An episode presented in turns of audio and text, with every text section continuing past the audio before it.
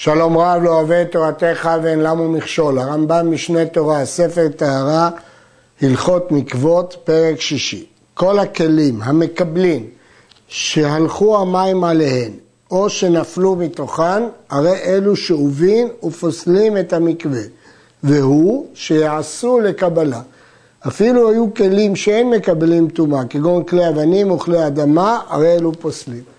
אין קשר בין כלי שמקבל טומאה לבין מים שאובים. מים שאובים הם מים שנשאבו על ידי כלי שנעשה לקבלה. כלומר, יש לו תוך והוא נעשה כדי לקבל. ואז בכל מקרה הוא פוסל בין אם הלכו המים עליהם או שנפלו המים עליהם. אלה שני תנאים, שיהיה כלי בית קיבול ושיהיה עשוי לקבלה. כל כלי שלא נעשה לקבלה, אף על פי שהוא מקבל, אינו פוסל את המקווה. כגון הסילונות שהמים נמשכים בהם, אף על פי שהם רחבים באמצע ומקבלים, אין פוסלים את המקווה בין שהיו של מתכת או של חרס. אם יש צינור שהוא צר מכאן וצר מכאן ורחב באמצע, אז לכאורה במקום הרחב יכולים להצטבר מים, אבל הוא לא נעשה כך כדי לקבל מים. כיוון שהוא לא נעשה כך, הם לא נקרא כלי קיבול, והוא לא פוסל את המקווה. השוקת שבסלע אינה פוסלת את המקווה, לפי שאינה כלי, היא מחוברת בסלע, היא לא כלי. אבל כלי שחיברו בסלע, אם זה היה קודם כלי ואחר כך הוא חיבר אותו לסלע, פוסל את המקווה. אף על פי שחיברו בסיד, נקבע מלמטה או מן הצד כשופרת ענות, כשרה ואינה פוסלת את המקווה. זאת אומרת, הדין הזה הוא מפורש במשנה, שאם הכלי היה קיים לפני החיבור, אין החיבור לקרקע מועיל לבטלו מתורת כלי. אבל אם החיבור לקרקע קדם ליצירת כלי, אז הוא בטל והמים לא נקראים שאובים. כאשר זה כלי, שמחובר לקרקע ויש בו נקב, הכלי לא ראוי לקבל מים. כיוון שהוא לא ראוי לקבל מים, הוא יצא מתורת כלי. כיוון שהוא יצא מתורת כלי, הוא לא פוסל את המקווה. אבל צריך שיהיה גודל הנקב בין מן האמצע בין מן הצד, כשפופרת הנוד, כלומר מקום שאפשר לגלגל בו שתי אצבעות.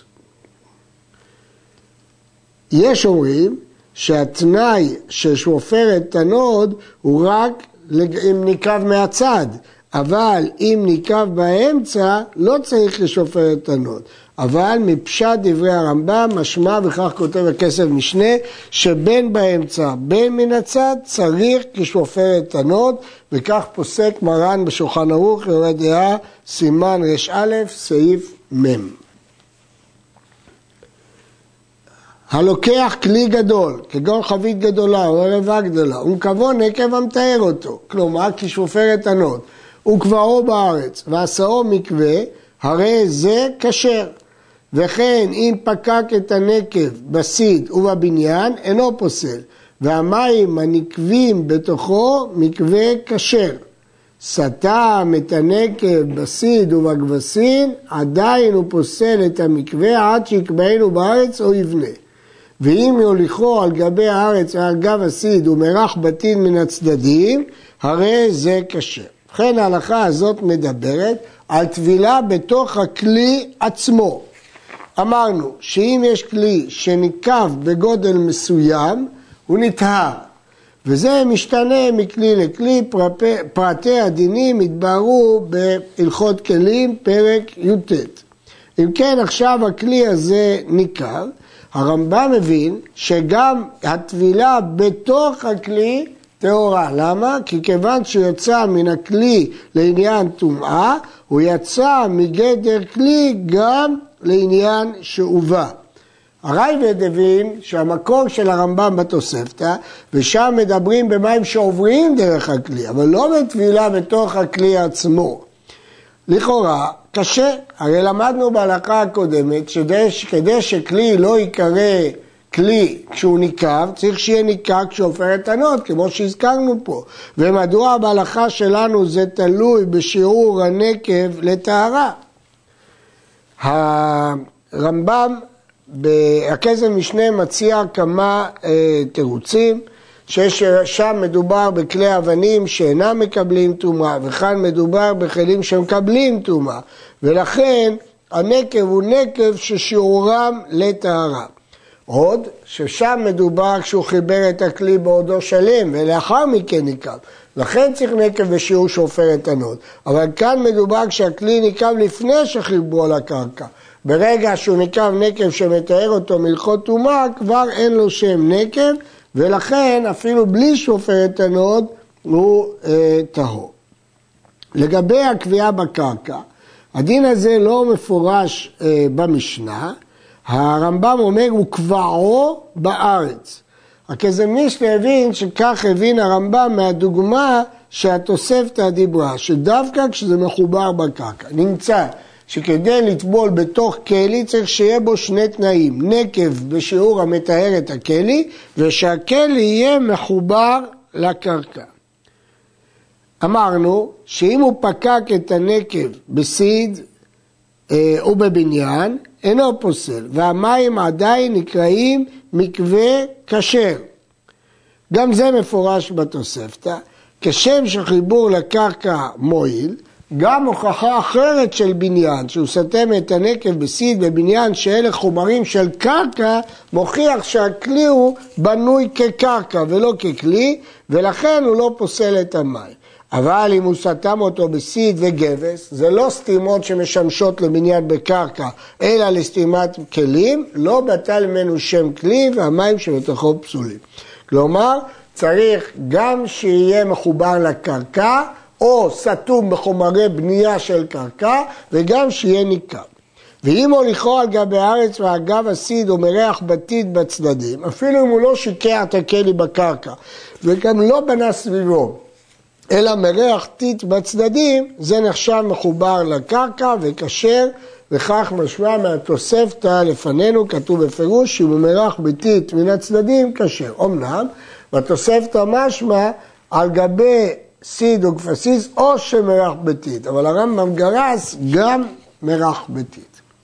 המניח טבלה תחת הצינור, והרי המים נמשכים על הטבלה ויורדים למקווה. אם היה לטבלה דופן, הרי זו פוסלת את המקווה, כי הטבלה הזאת הפכה להיות כלי קיבול. הכסף משנה מביא בשם רבנו שמשון, שדווקא עם הדופן הזאת מכל הצדדים, מארבע רוחות, כי אז רק אז היא יכולה להיות בית קיבול. ואם לאו, אם אין לה דופן מארבע צדדים, היא לא בית קיבול, אינה פוסלת. זה כפה תחת הצינור כדי להדיחה, אף על פי שיש לה דופן, אינה פוסלת, שהרי לא עשיה לקבלה. כלומר, עכשיו כשהוא מניח את הכלי, הוא לא עושה אותו כדי לקבל מים, כי הוא זקף אותו כדי להדיח אותו, אז כאן זה לא עשוי כדי לקבל מים. לדעת הראש בפירושו למשנה, הדין הזה שאם זקף את הטבלה אין המים נזקפים, נאמר דווקא אם המים היו מגיעים למקווה גם ללא הטבלה. אבל אם המים הגיעו רק בגלל הטבלה, אפילו שהיא מונחת בצורה כזאת, המים פסולים. ומרן בשולחן ערוך פסק את דינו של הראש, אבל מהרמב"ם לא משמע כך. החוטאת בצינור, מקום לקבל בו הצרורות המתגלגלים במים כדי שלא ירדו במים. הוא עושה חפירה קטנה בצינור כדי לקבל את האבנים, לסנן את המים, אבל זה הפך להיות כלי קיבול. כמובן, מדובר בצינור כזה שאין בו בית קיבול, שהוא עצמו לא נקרא בית קיבול, או שהוא קבוע בקרקע. ו... אבל החפירה הזאת, השאלה אם היא הופכת להיות בית קיבול.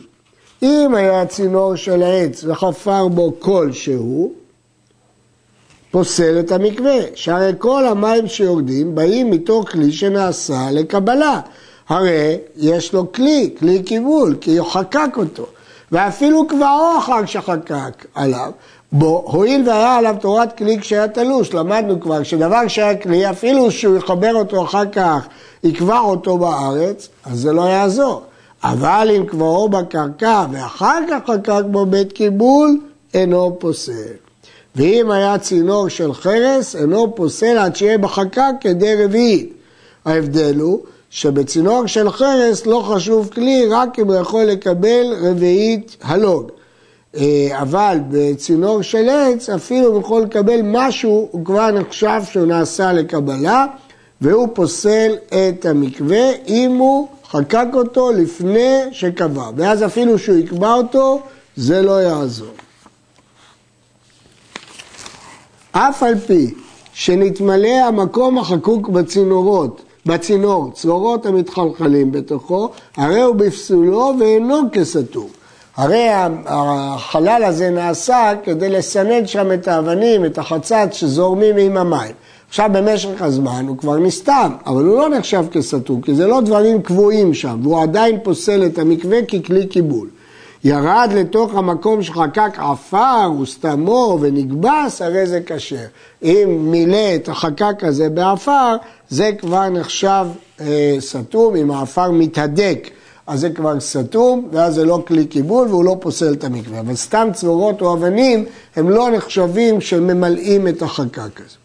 הספוג והדלי, שהיו בהן שלושת לוגים מים ונפלו למקווה, לא פסלו. שלא אמרו אלא שלושת לוגים שנפלו, לא כלי שנפל בו מים שאובים. כלומר, אם המים השאובים נשארו בתוך הדלי כמובן, ולא התערבו במקווה, איך זה יכול להיות? אם הפה של הדלי צר והוא נפל, אז המים לא נפלו, רק הכלי נפל. כך מבארים גם הרמב"ם וגם הראש, הראש וגם הרמב"ם בפירוש המשנה, שזה דלי צר. או ספוג, שהמים נשארו בתוך הספוג. זה לא קשור בגזרה של שלושה לוגים, כי שלושה לוגים נאמר דווקא שלושה לוגים מים שנפלו, ופה הספוג נפל, לא הדלי נפל. אבל כמובן שאם המים של הדלי התערבבו בתוך המקווה, ודאי שהם פוסלים אותו. השידה והתיבה שבים. אין מטבילים בהם. שידה ותיבה הם כלים גדולים שאפשר לטבול אותם, אבל למדנו כבר שאסור לטבול בתוך כלים, אלא אם הם נקובים. אלא אם כן היו נקובים כשעופרת הלוד. שימו לב, פה הדרישה היא שהם נקובים כשעופרת הלוד, לא כשיעור שמתאר אותם מטומאה.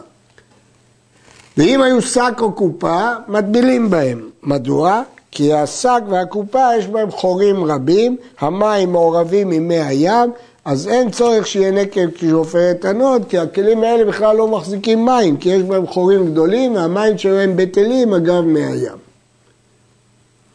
וכן המניח שק או קופה תחת הצינור, אין המים הנמשכים מהם פוסלים את המקווה, כי זה לא כלי קיבול, כי יש להם חורים גדולים והמים עוברים בהם. גיסטרה, כלי חרס שבור, טמאה, אם היא טמאה, שהיא בתוך המקווה, ושפתה למעלה מן המים, והטביל בה כלים, תארו מטומאתם.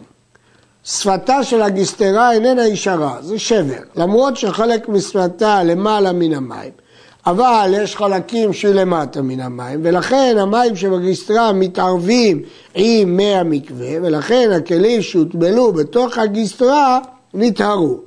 אבל הגיסטרה עצמה טמאה, והיא לא נטהרה ממי המקווה, שהרי אין לי כלי חרס טהרה במקווה.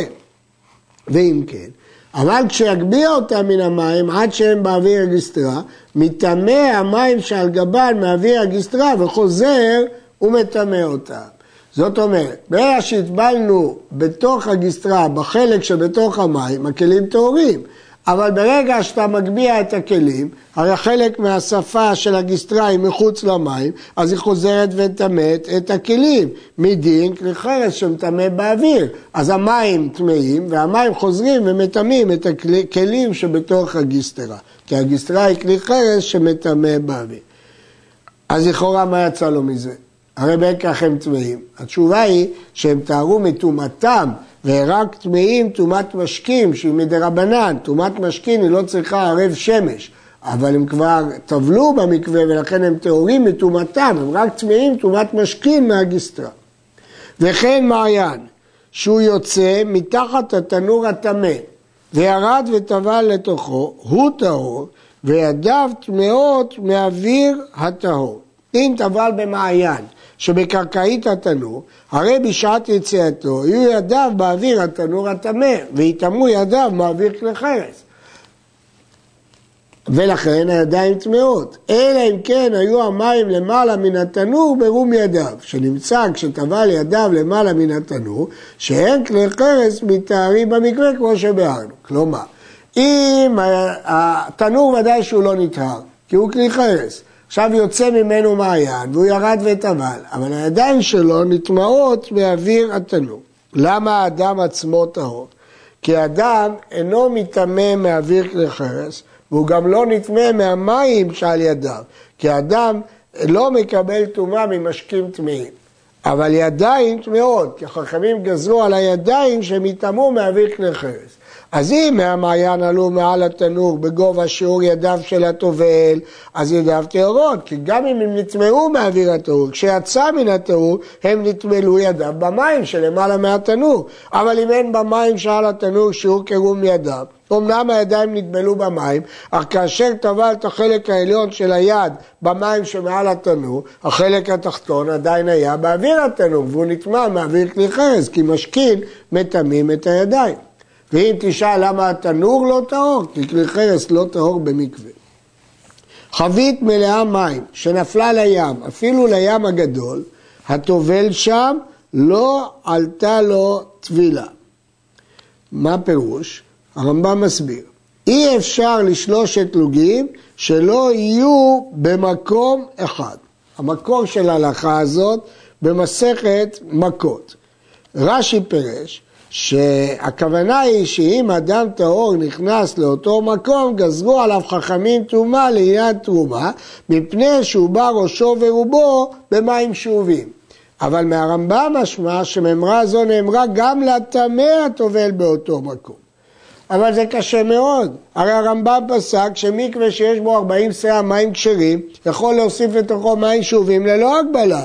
אז אם כן, מה החשש? הרי מדוע המקווה פסול אם הוא מוסיף שלושה לוגים? הרי הים כשר, מה אכפת לי שהוא הוסיף שלושה לוגים? אה, אפשר לומר שגם הרמב"ם מתכוון פה רק לטהור שבא בשלושה לוגים, זה פסול מיוחד, אבל באמת הטמא יטהר. ואפשר להגיד שכשמוסיף מים שאובים לתוך מקווה, המים באים בדרך שפיכה, ולכן הם מתערבים בכל המקווה. אבל כשחבית שלמה נופלת למקווה, המים לא מתערבים אלא מרוכזים במקום אחד, ולכן הבין הכסף משנה את הרמב"ם, פה גם טמא שיטבול, הוא לא טבל במקווה טהור. וכיכר של תרומה שנפל לשם, נטמע במים השאובים, שהרי המים עומדים שם. הכיכר נפלה, החשש היא שהמים נטמעו מהטמא, וחזרו וטימאו את הכיכר. כן. אה, יש עוד תירוץ של הרצפה שאומר שמי הים מלוכים ומי החבית מתוקים ולכן הם לא נטהרים בהשקה, חידוש גדול אה, של הרצפה. אבל הנערות וכיוצא בהם, הואיל והם נמשכים, הרי זה טובל שם. כל הדין הזה בים, שהמים עומדים, אבל בנהר שהמים זורמים, ברור שכל השובים יתערבו עם הגשרים, ולכן הם טהורים בהשקה, כמו כל מקווה כשר שנתת לתוכו מים שאובים. מים שאובים שהיו בצד המקווה, אף על פי שהמים נוגעים במי המקווה, לא פסלו, מפני שהם כמקווה הסמוך למקווה. היו השאובים באמצע, פוסלים את המקווה. פירוש הדבר, כשהמים השאובים בצד המקווה, אין לומר שהמים מתערבים, אלא זה שני מקוואות סמוכים, ולכן השאובים פסולים והכשרים כשרים. אבל כשהמים השאובים באמצע המקווה, ודאי שהמים מתערבים. איך אפשר לפרש שהמים עומדים בצד או באמצע? אה, כנראה שמדובר פה באיזה קערה של מתכת ששקועה בקרקעית המקווה ויש בה נקב שסותמים אותו ממגופה, כשרוצים להחליף את המים מוציאים את המגופה והמים יוצאים מהאמבטי של המקווה ואז סותמים את הנקב במגופה וממשיכים לתוך האמבטי מים כשרים. אז כשהאביק הוא באמצע המקווה הוא פוסל, כי כשממשיכים מים חדשים למקווה הם נופלים תחילה לתוך האביק והמים שבאביק נעשו שאובים. אבל כשהוא מהצד לא פוסל. אולי לזה התכוון הרמב"ם, אבל הרמב"ם רק אמר בסתם, שמים שאובים מהצד לא נחשבים מעורבים, באמצע נחשבים מעורבים. שתי ברכות זו למעלה מזו וחוטל ביניהם. העליונה מלאה מים כשרים, והתחתונה מלאה שאובים. ונקב בכותל שבין העליונה לתחתונה, אם יש כנגד הנקב שלושת לוגים מים שאובים, נפסלה העליונה. מפני שהנקב הוא כאילו באמצע העליונה ואינו בצידה. כיוון שהוא בתחתית של העליונה, הוא נחשב שהוא באמצע והמים מעורבים, ולכן המים השאובים שבמקווה התחתון מעורבים במים שבמקווה העליון, אז כמו שאמרנו בהלכה הקודמת, כיוון שזה באמצע, זה פסולים. למרות שהעליונה מלאה כשרים והתחתונה שווים. כל שכן, אם הבריכה העליונה מלאה שאובים והתחתונה מלאה כשרים. לגאון מווילנה פירוש אחר לגמרי במשנה, ובאר אותו התפארת ישראל פה בהרחבה. כמה יהיה בנקב יהיה בשלושת לוגים? איך נדע אם גודל הנקב הוא כזה שמולו יש שלושה לוגים? הכל לפי הבריכה. אם הייתה הבריכה התחתונה 40 סאה, צריך שיהיה נקב אחד מ-320 לבריכה. הייתה 20 סאה, צריך להיות הנקב אחד מ-160 לבריכה. וצבע חשון לפי חשבון זה, שהסאה ששת קבין והקו ארבעה לוגים. כלומר, בסאה יש 24 לוגים, אז 40 סאה הם 960 לוג, אז שלושת לוגים הם אחד מ-320 ב-40 סאה. שלוש מקוות, זה בצד זה. בכל אחד מהם עשרים שאה מכוונות, ואחד מהם שאוב מן הצד. וירדו שלושה וטבלו בשלושתם, ונערמו המים מכולם, ונתערבו מלמעלה. המקוות כשרים, והטובלים טהורים. למה? שהרי נעשה הכל שישים שאה, הכל התערב, אז יש בהם שישים שאה, מהם ארבעים כשרים, זה בצד זה, והשאובים בצד. ואמרנו ששאובים שבצד בכלל לא פוסלים. ואין המים השאובים פוסלים מקווה שיש בו ארבעים שאה כמו שבארנו. ואפילו נאמר שהם נגעו במים, זה לא אכפת לי, כי יש לי ארבעים שאה, מים כשרים. היה השאוב באמצע, וירדו וטבלו בהם, ונערבו המים ונתערבו המקוות, הרי המקוות כמות שהיו, והטובלים טמאים כשהיו, שהרי לא נתערבו, ארבעים שאה כשרים, לפי שאינם זה בצד זה, שהשאוב מבדיל ביניהם. כלומר, כיוון שהשאוב באמצע, אז השאוב פוסל ומבדיל בין המים הכשרים. עד כאן.